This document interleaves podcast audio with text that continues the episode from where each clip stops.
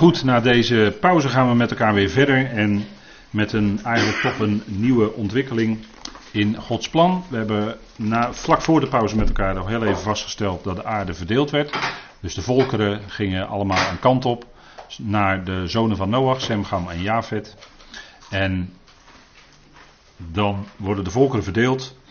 En dan gebeurt er toch iets bijzonders, want God kiest Abraham. En dat is toch een belangrijk punt in de geschiedenis. Eh, de roeping van Abraham, het uitkiezen van God is dat. God kiest Abraham. En die loopt ook via de lijn van Peleg. Als je de geslachtsregister van Peleg nagaat, dan kom je op een gegeven moment bij Terach en Haran en Abraham terecht. En dat God dan Abraham kiest, hè, dat God zich uh, laat zien of verschijnt aan Abraham, hoe moet je het zeggen. Dan spreekt hij, want God is natuurlijk per definitie een God die spreekt. Dat hij nu in de afgelopen 2000 jaar zwijgt, is eigenlijk heel bijzonder. Want God is een sprekende God en dat zal zeker ook in de nabije toekomst weer zo zijn. Dat God via de twee getuigen spreekt in de straten van Jeruzalem. Maar God kiest Abraham en dat is toch een belangrijke ontwikkeling in Gods plan. God kiest uit. En hij kiest iemand uit een omgeving waarvan je zou denken van nou dat, dat hij dat daar dan uitkiest. Abraham werd geroepen namelijk uit Ur van de Galdeën. En nou is het woord Ur of Ur is wel mooi, want dat betekent eigenlijk licht in het Hebreeuws. Het Hebreeuwse woord voor uh, licht is Ur, daar is bijvoorbeeld ook de naam Aaron van afgeleid. En uh, denkt, wat denkt u van Jairus? Dat is ook van Oer, van licht. Die heeft ook het woord licht in zijn naam zitten, Jairus. Dochtertje van Jairus, weet u wel, 12-jarige leeftijd. Hij was de overste van de synagoge. En het dochtertje stierf, maar werd door de Heer opgewekt. bijzondere geschiedenis, hè? Er zit natuurlijk geweldige typologie in. Maar goed, dat is even voor nu niet aan de orde. Oer, dat is licht.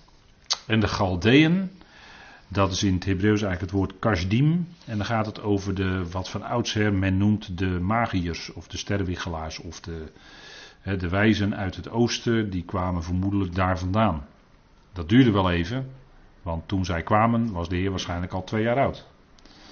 die, eh, die kwamen niet gelijk in de nacht van de geboorte hoor. Dat wordt, zo wordt het voorgesteld, of heeft misschien wel gedacht. Maar dat duurde wel even voordat die er waren. Die, dat ze door die ster daarheen geleid werden. De, dat zijn de, ja, de Galdeën. Als je de Concordant Version, die geeft een verwijzing naar demonisch. Dat het woord Galdeën te maken zou kunnen hebben met demonisch. En als je dat bij elkaar zet, licht en demonisch, dan was daar demonisch licht. Want wat werd daar gedaan? Daar aanbaden ze de maan. De maangod Sin werd daar aanbeden in Oer. En uit die omgeving, daar werd Abraham uitgeroepen. Moet je nagaan. Je zou zeggen van nou, alle omstandigheden die wijzen in de andere richting. Ook de geestelijke omstandigheden vooral. Maar God die roept hem en hij verschijnt zeven keer aan Abraham. En als ik dan zeg God verschijnt, dan gaat het dus niet over de Vader, maar dat gaat dan over Christus in zijn heerlijkheidsgestalte. De God der heerlijkheid, zei Stefanus toen hij bijna gestenigd werd, zei dat de God der heerlijkheid verscheen aan onze vader Abraham toen hij nog in Mesopotamië was. En Mesopotamië, dat is uh, eigenlijk uh, uh, ja, het, midden het midden en het tweede woord is dan eigenlijk het drinken. Pino of poteo in het Grieks, dat heeft te maken met drinken. En mesos is midden, dus dat, dat, heeft ook iets te maken met die twee stromen, twee rivieren die daar zijn, de Uifraat en de Tigris. Mesopotamië, dat, zo is dat afgeleid. Hè. Dat is hetzelfde als de vlakte van Siniar, dat ligt daar ook. Maar dat wordt bij gelegenheid dus ook Mesopotamië genoemd. En uh, Stefanus die zegt dat, dat de God van de heerlijkheid verscheen aan Abraham. En dat was dan natuurlijk Christus in zijn heerlijkheidsgestalte voordat hij mens werd. Die verscheen. Want God zelf is geest, die is onzichtbaar en onhoorbaar. Dus Abraham heeft niet God gezien, maar hij heeft Christus gezien. En toch kan er dan staan, God verscheen, want als God zich laat zien, is het in zijn zoon. Dat is namelijk het beeld van God. Daar waren we in de eerste helft ook al heel even mee bezig. Hè? De mensheid is geschapen in het beeld van God. En het beeld van God is Christus. Hij is het beeld van de onzichtbare God, zegt Paulus in Colossense 1. Hij is het beeld van de onzichtbare God, zegt Paulus in 2 Korinthe 4. dus dan, dan is dat vastgesteld bij deze.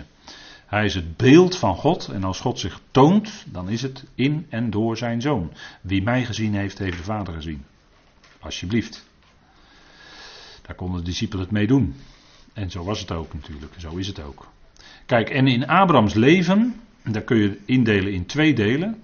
Het eerste deel van Abrahams leven, daar zou je de titel boven kunnen zeggen: Abrahams geloof.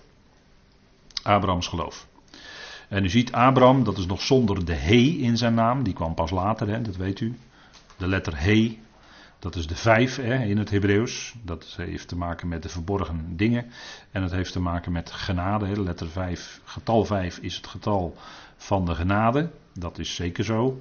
Alleen het heeft zeker ook te maken met verborgenheid. Dat God vanuit het verborgene werkt in de wereld. En uh, dat, is, dat is de vijf, hè? dat is de he. Dat is de, letter met dat venster, weet u wel. Een venster, een open venster, de letter he. En die letter he, die werd toegevoegd aan de naam van Abraham, maar dat gebeurde pas in Genesis 17. Je naam zal niet langer zijn Abraham, maar Abraham. En zal niet Sarai heten, je vrouw, maar zal Sarah. Dus de J werd een he. Dus uh, als ik het in cijfers zeg, de 10 werd een 5 in haar naam. Hè? Het was niet langer Sarai, maar het was Sarah met een he aan het eind, maar die spreek je meestal niet uit. Hè?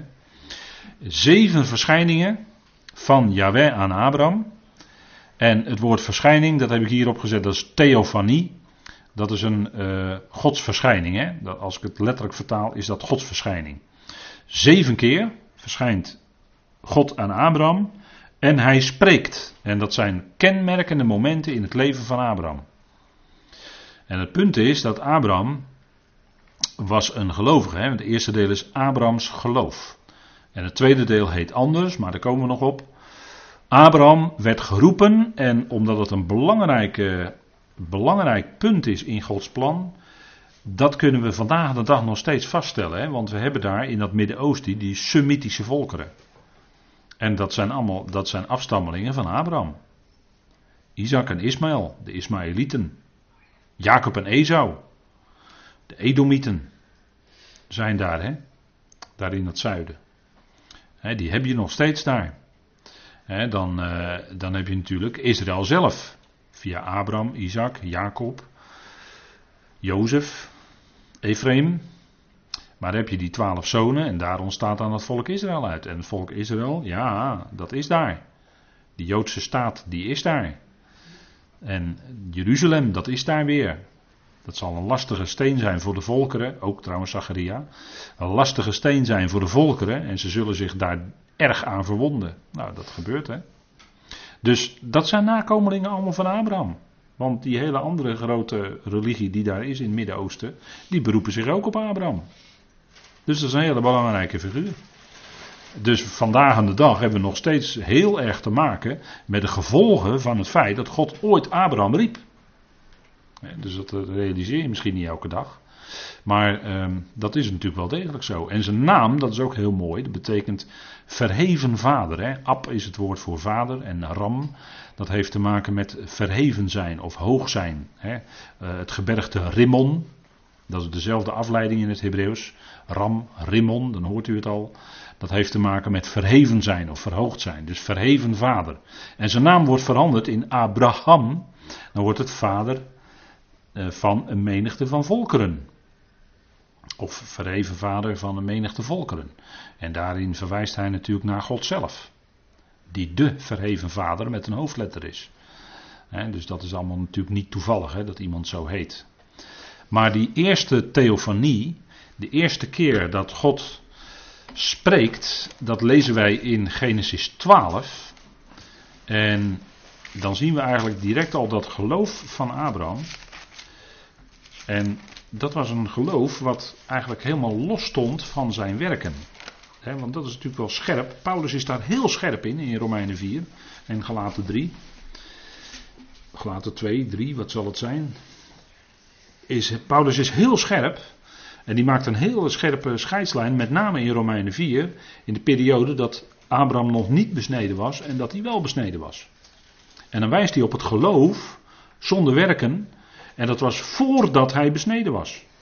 Dus voordat er ook maar iets aan zijn vlees gebeurde. Maar dat, die besnijdenis, dat weet u, dat is een afsnijding. Dat is juist een teken dat het vlees van de mens er niet toe doet. Dat het dus ook afgesneden moet worden. Want anders eh, verzand je in je eigen werken. Hè? Verzand je echt in je eigen werken. Jawel, nu zei tegen Abraham, Genesis 12, ga uit je land en uit je familiekring en uit het huis van je vader naar het land dat ik je wijzen zal. Ik zal je tot een groot volk maken, je zegen en je naam groot maken en je zult tot een zegen zijn. Nou, die woorden zijn waar, hè? Ik zal uw naam groot, uw naam groot maken.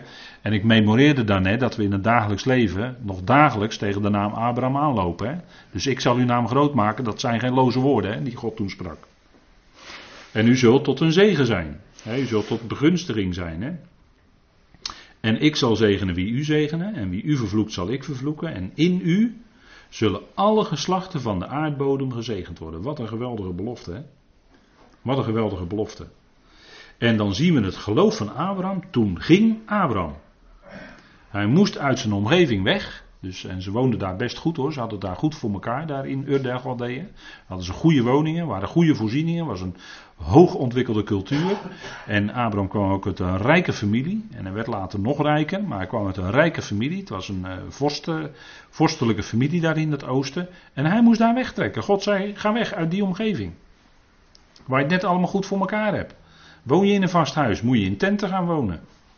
Moet je gaan trekken. Nou, je kan veel beter thuis blijven, want thuis heb je stromend water, kun je makkelijk naar het toilet. Ik noem allemaal maar even simpele dingen. Hè. Maar dat laat je dus achter je. Als je dus in een tent verder gaat trekken, want je had daar nog geen Dixie of zo, zo'n uh, zo'n ding. Die kon je niet meenemen, dat hadden ze allemaal niet. He, dus het was allemaal wel een paar stappen terug. En toch ging Abraham. Waarom? Omdat Abraham een gelovige was. Hij hoorde dat woord, hij geloofde en hij ging. En hij wist niet waar hij komen zou. Hij wist niet waar hij komen zou. Maar hij vertrouwde God. Hij vertrouwde God. En Lot ging met hem mee. En dan gaat hij verder. Abraham was 75 jaar oud toen hij uit Garan trok. En Garan dat betekent hitte. Maar hij woonde daar in Mesopotamië, dat is die, daar dat vruchtbare gedeelte. Als je op de kaart ziet, het is ook altijd groen, weet u wel. Water, Uifraat, Tigris, water, groen, vruchtbaarheid. dat is natuurlijk prettig om te wonen. Daar gaan mensen wonen, bij het water. Want water is leven natuurlijk. Maar hij moest toch terecht wegtrekken. En dan staat er: Abraham nu nam Sari zijn vrouw en, de, en Lot de zoon van zijn broer en al hun bezittingen die ze verworven hadden en de mensen die zij in Haran verkregen hadden. En ze gingen weg om naar het land Canaan te gaan en ze kwamen in het land Canaan. Dus zij gingen op weg en ze kwamen naar het land wat God hun beloofd had. En Abraham trok door het land tot aan de heilige plaats bij Sichem, tot de eik van More. De Canaanieten woonden toen in dat land. En dan kun je natuurlijk van één kant af zeggen: hé, hey, Abraham die komt daar als uh, vreemdeling en hij krijgt dat land, hij neemt het land in bezit. En dat is eigenlijk onrechtvaardig. Zo zou je het van één kant kunnen bekijken, vanuit de mens gezien. Hè? Maar we moeten natuurlijk, de schrift is er, dat we het vanuit Gods Gods kant bekijken. En God die zegt, de hele aarde is van mij. Dus dat is de hoogste aanspraak. En als hij beslist dat Abraham dat land krijgt, dan beslist God dat dus. Hè? Van ik kies jou uit Abraham, ik geef aan jou dat land. Dus jij neemt dat land Canaan in bezit. En als daar nou die Canaanieten wonen, ja, dan moeten die Canaanieten daar weg. En dat was niet een gezellig volkje. Maar dan verschijnt de Heer opnieuw, hè, dat is de tweede theofanie. In vers 7, toen verscheen de Heer aan Abraham, dus Yahweh hè, staat er, toen verscheen Yahweh aan Abraham, en dat was dus de Heer. Aan uw nageslacht of aan uw zaad zal ik dit land geven. En toen bouwde hij daar een altaar voor de Heer die hem verschenen was. En dat is wat je het beste kan doen een altaar bouwen en je dankbaarheid uiten voor de ontvangen zegeningen van God. En dan trekt Abraham nog verder, vandaar trok hij op naar het bergland ten oosten van Bethel. En zette zijn tent op tussen Bethel in het westen en Ai in het oosten. En daar bouwde hij voor de Heer een altaar en riep de naam van de Heer aan. En dat is wat we in het geloof eigenlijk het beste kunnen doen. Dat is God danken voor de ontvangen zegeningen. Abraham bouwt een altaar, hij aanbidt Yahweh en hij dankt Yahweh voor datgene wat hij in genade eigenlijk ontvangen heeft. Want Abraham heeft hier niets voor kunnen doen. Hij is gewoon, het enige wat hij heeft gedaan is op weg gaan. Naar het land gaan wat God hem gegeven had, gezegd had. En dat in bezit nemen. En Abraham kon daar dus verder niets aan doen. Hij kon niets doen om dat te bewerken. En hij eh, ook niet een oorlog voeren of wat dan ook. Maar hij ontving dat gewoon van je. En wat doet hij? Hij gaat wonen tussen Ai. Dat is in het oosten. Dat betekent puinhoop. En in het westen had je Bethel.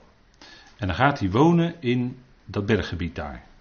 En dat is nou typisch een plaats waar je Abraham dan ook als gelovige zou verwachten. Want hij was als het ware door God verhoogd tot die plaats. Vandaar dat hij op een berg was. En aan de ene kant had je Ai, een puinhoop. En aan de andere kant het huis van God. Dus hij verliet eigenlijk, geestelijk gezien, Ai.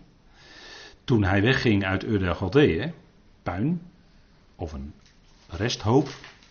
En hij trok eigenlijk richting Bethel, het huis van God. Daar waar God zijn woonplaats zou maken in Israël. En dat is natuurlijk Bethel, dat betekent huis van God. En hij zette daar zijn tent op. Dus hij heeft die vaste woning verlaten. En zijn geestelijke situatie wordt duidelijk doordat hij in tenten woont. Hij trekt dus. En, en hij heeft geen vaste verblijfplaats. Maar wat had Abraham gezien? Wat had Abraham gezien? Hij had niet alleen de Heer gezien, maar Hebreeën zegt dat hij gezien had de stad met fundamenten. Abraham had iets gezien. En daar keek hij naar uit.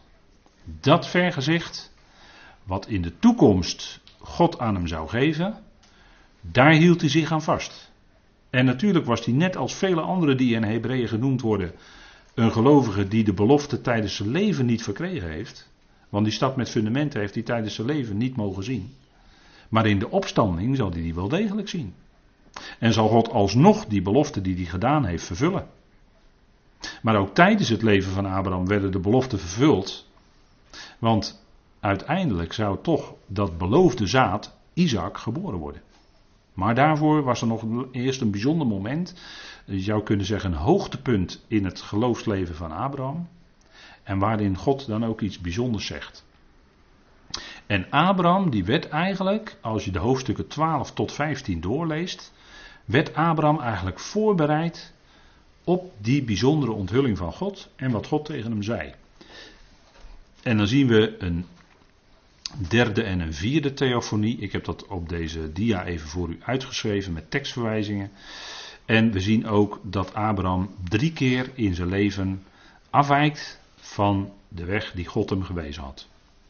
De eerste keer was dat hij naar Egypte ging vanwege de hongersnood. En je kunt zien dat hij afweek van de, de weg van het geloof, om het zo maar te zeggen. En als het ware, uh, ja, toch uh, de gedachte van het vlees volgde. Doordat hij in Egypte in de problemen kwam. Er was hongersnood, hongersnood was zwaar. En hij trok naar Egypte. Maar hij was in het land wat God hem beloofd had.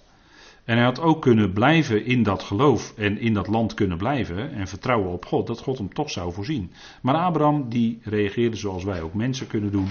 Die handelde zelf en die dacht van, kijk, Egypte dat is de graanschuur, daar ga ik naartoe, daar is eh, voldoende te eten. Dus er is hongersnood, ik ga naar Egypte. Heel praktisch ingesteld mens. Die honger moet opgelost worden, dus ik ga naar Egypte. Maar er was toch een afwijking in het geloofsleven van, van uh, Abraham. En hij kwam in Egypte, kwam hij in de problemen. En hij verzon een smoes, want hij zei tegen zijn vrouw Sarah, zeg maar dat je mijn zus bent. Dan zal de farao mij niet doden om dan uh, jou van mij af te pakken. Uh, zeg maar dat je mijn zus bent. En zo gezegd, zo gedaan. En zo ontdekte farao later wel door wat er gebeurde dat het niet waar was. En eh, toen moest Abraham ineens maken dat hij wegkwam. Maar u ziet het, hij week af van de weg van het geloof en hij kwam in de problemen. En dat is, hè, dat is toch, kijk, God wijst ook in ons leven ehm, vanuit de waarheid van zijn woord. En vanuit de waarheid van het woord gaat, als, je, als, je, als dat grip op je hart krijgt, hè, die waarheid van het woord, die geweldige boodschap zoals wij die mogen kennen, de boodschap van de genade van God via Paulus. Die waarheid van het woord, als dat grip krijgt op je hart, dan ga je eigenlijk, eh, dat zie je ook in dat hij daar woonde in dat land. Dan zie je dat hij eigenlijk zich richtte naar dat wat boven is. Hij verwachtte die stad met fundamenten. En hij ging daar wonen in het land. En dat was eigenlijk de weg van het geloof. Dat hij daar was, in dat land, dat had God hem beloofd. Daar zou hij blijven. Daar zou God die stad met fundamenten geven. En ook al woonde hij nu nog in tenten, daar had hij kunnen blijven. Maar er kwam hongersnood, beproeving. En dat kan ook in ons leven gebeuren. En dan kan het zijn dat je eventjes die waarheid van het woord, die waarheid van wat je gehoord hebt, die belofte uit het oog verliest. En je handelt zelf. Afwijking. En je ziet het in het leven van Abraham, hij komt in de problemen. En dat zie je ook bij de tweede afwijking, Hagar. En dat is wat in Genesis 16 plaatsvindt, maar daarvoor zie je eigenlijk dat hoogtepunt van het geloofsleven van Abraham. Hè? Dat is Genesis 15. Daar gaan we naartoe, maar Abraham wordt erop voorbereid. Abraham wordt erop voorbereid. Kijk, wat komt Abraham tegen? Abraham komt tegen de onrechtvaardigheid van de mensen. Onrechtvaardigheid van mensen. Bijvoorbeeld, om een aantal punten te noemen uit die hoofdstukken. Lot trekt naar Sodom. Dat was eigenlijk niet recht van Lot, want Abraham had het hele land in bezit gekregen, het hele land toegezegd gekregen. Maar Abraham, die liet hem de keuze en die ging daarmee eigenlijk uit boven wat recht en terecht was. En Lot maakte daar handig gebruik van. Hij zocht de mooiste streek uit en ging daar wonen. Dat was eigenlijk een stukje onrechtvaardigheid van Lot. En wat ontdekt hij? De mannen van Sodom waren slecht. Ook onrechtvaardigheid. Dan lees je over de oorlog van de koningen die daar gevoerd wordt. Dat was ook onterecht, was ook onrechtvaardig. Verspelen van Sodom, later. En het redden van Lot. Het zijn allemaal zaken die achter elkaar een stuk onrechtvaardigheid aangeven. De onrechtvaardigheid van de mens. En wat is nu, wat in Genesis 15 dan naar voren komt, en wat, wat blijkt steeds, wat is nou het contrast? Waarom staan al die dingen nu in de schrift? Wat is het contrast? Daar zie je zo helder tegen afgezet de volkomen rechtvaardigheid van God. Dat wat God doet, dat dat altijd juist is en recht is en een, ook een rechte lijn aangeeft. En, en de, tegen de donkere achtergrond van de onrechtvaardigheid van de mensen zien we het juiste en rechte, rechtvaardige handelen van God. En dat is wat Abraham ook in zijn leven uh, kreeg uh, toebedeeld. Hè? En kijk, als we even kijken naar Abraham, want Abraham is een voorbeeld voor ons als gelovigen. Hij wordt zelfs genoemd de vader van alle gelovigen. En dat is natuurlijk een ander punt dan de vader naar het vlees van Israël zijn. De vader van alle gelovigen, dat is iets, dat is iets geestelijks. Hè? Kijk, bij wat je bij Abraham ziet, is dat principe van God. En hoe doen we het nu als mensen? Wij doen als mensen aan koehandel. Ons menselijke denken is, wij vinden rechtvaardig dat als wij nu zoveel doen, hè, de linkerkant van die linkse weegschaal die u daar ziet, dat, is allemaal, dat heb ik expres, hè, links de linkse weegschaal en dan de linkerkant, daar de bijdrage van de mens, werken van de mens, werk in uitvoering dat wij zoveel zouden werken. En dan zal God ons in die andere kant van de balans, zal God ons net zoveel geven. Als wij maar zoveel werken, geeft God ons zoveel beloning. Dat is menselijk denken, dat is koehandel. Iemand heeft dus een eh, leuk eh, kort commentaartje op de gelaten brief geschreven. Ik meen dat het Peter Schelen was. En die noemde dat boekje koehandel. En dan maakt de gelaten brief natuurlijk wel een einde aan, hè? aan die koehandel. Want dat is natuurlijk niet zoals het bij God werkt.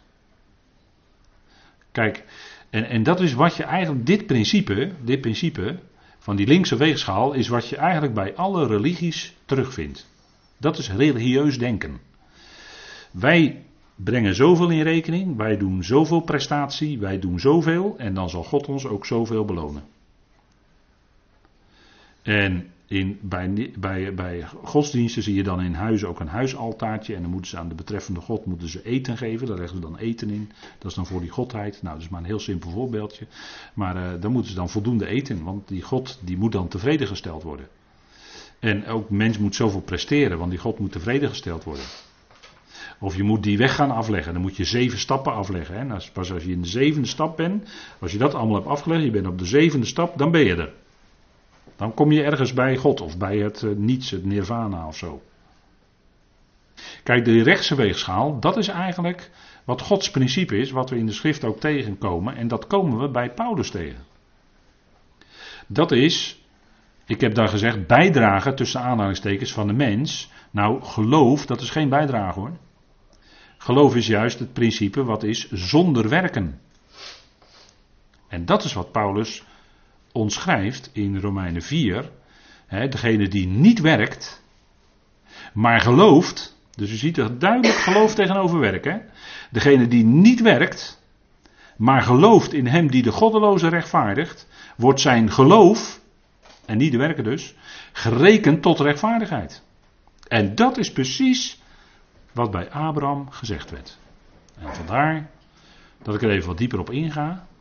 En het is zo belangrijk dit. Dit is zo belangrijk. Dit is zo duidelijk ook in de besprekingen van de gelaten brief naar voren gekomen. het, is, het is helemaal geen bijdrage van de mens. Nee, God spreekt. En de mens gelooft. En dan slaat die balans door naar de rechterkant. Dat is wat God geeft. God geeft namelijk alles. Dat is Gods principe. Alles is door hem. Het geloof van Abraham? Nou, dat was hem ook door God gegeven hoor. Als God niet met zijn geest toen in Abraham had gewerkt, had hij ook niet kunnen geloven. Dus alles is van God hoor, ook dat geloof. want geloof of vertrouwen is ook een stukje vrucht van de geest, leren we uit Galaten 5. He? En aan jullie is niet alleen de genade verleend in hem te geloven, zegt Paulus tegen de Filippenzen, maar ook voor hem te lijden. Maar let op dat het eerste wat hij noemt is geloof, dat is ook een genadegeschenk. Dus er is ook niet, helemaal niets van jezelf bij. Geloof is door de geest gewerkt. En daarom zegt Paulus later, of zegt Paulus in Romeinen 4, degene die niet werkt, want dat zijn vleeselijke inspanningen, maar gelooft in hem die de goddeloze rechtvaardig, wordt zijn geloof gerekend tot rechtvaardigheid, alsjeblieft. En dat geloof is al niet eens van jezelf. Ja, het is wel van jezelf in die zin, jij gelooft, maar het is door de geest gewerkt. En dat is Gods principe. Alles is door hem. Hè? Dus is geen bijdrage van de mens. Hè. Die linkerkant van de balans die slaat lekker omhoog. Want daar ligt helemaal niks van de mens zelf in. En aan de rechterkant zien we bij die rechtse balans dat het zwaar naar die kant overhelt, want God geeft alles. Die balans die slaat naar de goede kant door, naar Gods kant namelijk. God geeft alles. En dat is het punt, hè. En dit is wat. Een, dit is een belangrijk principe dus dit is het verschil tussen religie en geloof. En dank God dat wij deze dingen zo met elkaar kunnen bespreken. Ook dat is genade, dat we dat hier vanavond kunnen doen. Dat is helemaal ook niet van onszelf. Kijk, Abrahams geloof, dat is het evangelie van de voorhuid. En pas bij de apostel Paulus komt dat principe van geloof zo helder en zo duidelijk naar voren. Kijk, toen uh, Israël volledig gefaald had onder de wet. Ze konden de wet niet doen. Maar dat was precies de bedoeling. Dat wilde God er precies ook mee laten zien. Dat het vlees van de mens niet in staat is om een stukje gerechtigheid voor God te bewerken. Dat zien we in de geschiedenis van het volk Israël. En toen dat al uitgebreid was aangetoond, toen zei de profeet Habakkuk: De rechtvaardige zal uit geloof, dus niet uit de werken van de wet, leven. Want de wet zei, doe dat en je zult leven. Maar dat kon het helemaal niet doen. Was al lang aangetoond. En dat wist Habakkuk ook. En daarom kon Habakkuk door God geïnspireerd zeggen, de rechtvaardige zal uit geloof leven. En die tekst die wordt in het Nieuwe Testament wel drie, vier keer aangehaald. En dat is niet voor niks. Kijk, het evangelie van de voorhuid wat Paulus brengt, dat maakt het juist zo uniek, spreekt over de rechtvaardigheid van God door horen en geloven zonder werken. Bij het evangelie van de besnijdenis, Petrus, cum suis, daar gaat het over de, eigenlijk meer de onrechtvaardigheid van de mens, want die moet werken en dat gaat hem niet worden. Eigen werken, dat gaat hem niet worden. En dat laat Paulus uitgebreid zien in de Romeinenbrief. Maar is het evangelie van de besnijdenis. En pas na zoveel honderden, honderden, honderden jaren komt Paulus en die gaat spreken over het geloof van Abraham. En dat was al die tijd niet gedaan. En het punt is dat als we kijken in Genesis 15, daar zien we eigenlijk het hoogtepunt van geloof in het leven van Abraham. Een hoogtepunt moet ik zeggen. Laat maar even kijken, want de belofte was gegeven dat in eh, Abraham en in zijn zaad, dus in zijn nageslacht, zouden alle geslachten van de aardbodem gezegend worden. Maar op een gegeven moment zat Abraham met die vraag van, joh, maar ik heb nog geen nageslacht. En zal, uh, laat maar gaan lezen, in Genesis 15 komt dat naar boven. Na deze dingen, dus na die hele geschiedenis met uh, Kedor Laomer en met Melchizedek en noem alles maar op. Na deze dingen kwam het woord van de Heer tot Abraham in een visioen. Dus weer zo'n theofanie. Wees niet bevreesd, Abraham. Ik ben voor jou een schild en je loon zeer groot. Abraham was niet in staat om zichzelf te kunnen, op een goede manier te kunnen verdedigen. Ja, had wel die oorlog gewonnen, maar eigenlijk was God zijn schild. Hè? En zijn loon. God was ook zijn loon. Ik ben jouw loon zeer groot. Dus ook daarin had Abraham niets van zichzelf. Toen zei Abraham: Heer, Heer, wat zult u mij dan geven? Aangezien ik kinderloos heen ga. En de bezitter van mijn huis, eigenlijk staat er. De, ja, de bezitter van mijn huis zal deze Eliezer uit Damascus zijn. En verder zei Abraham: Zie, u hebt mij geen nageslag gegeven. En zie, iemand die in mijn huis geboren is, zal mijn erfge, erfgenaam zijn. Letterlijk staat er: De zoon van mijn huis, dat is dus Eliezer op dat moment, zal mijn erfgenaam zijn. En dan komt het, maar zie, het woord van de Heer kwam tot hem. Deze zal uw erfgenaam niet zijn, maar iemand die uit uw eigen lichaam voortkomt, die zal uw erfgenaam zijn.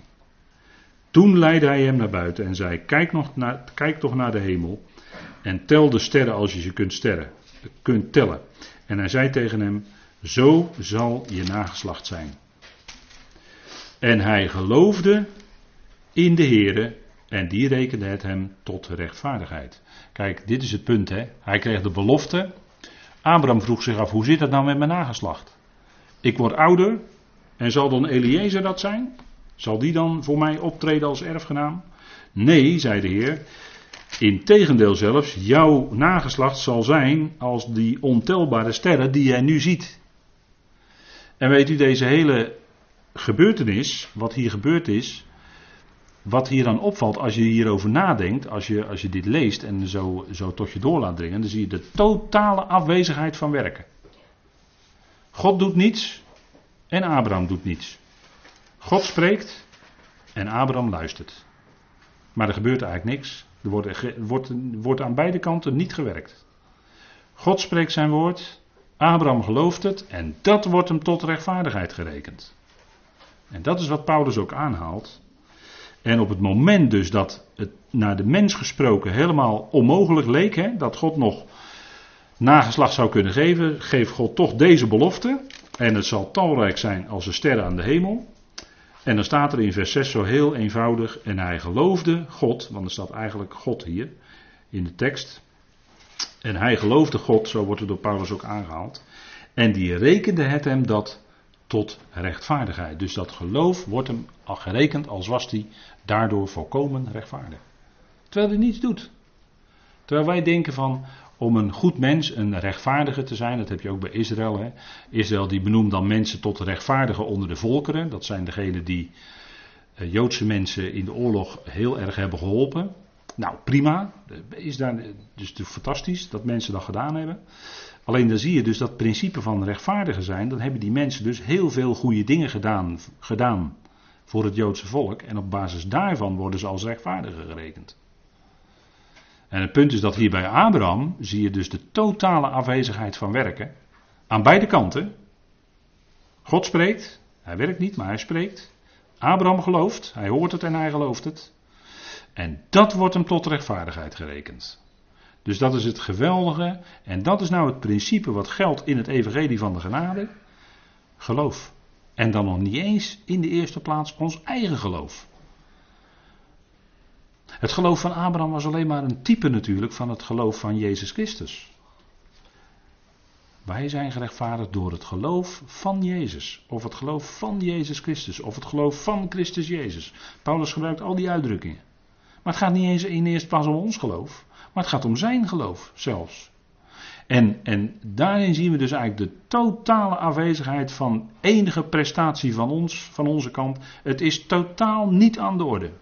Totaal niet. Het is een totaal andere lijn ook dan het evangelie van de besnijdenis. En die dingen kun je niet met elkaar verwarren. Doe je het wel, dan wijk je af. En we hebben net gezien in het leven van Abraham, hij week af van de weg van het geloof. En hij ging toch zijn eigen oplossing zoeken in die hongersnood. En dan kun je er als gelovige mee zitten van ja, maar ik, ja, nee, inderdaad, absoluut geen werken, nee, helemaal niks. Nee.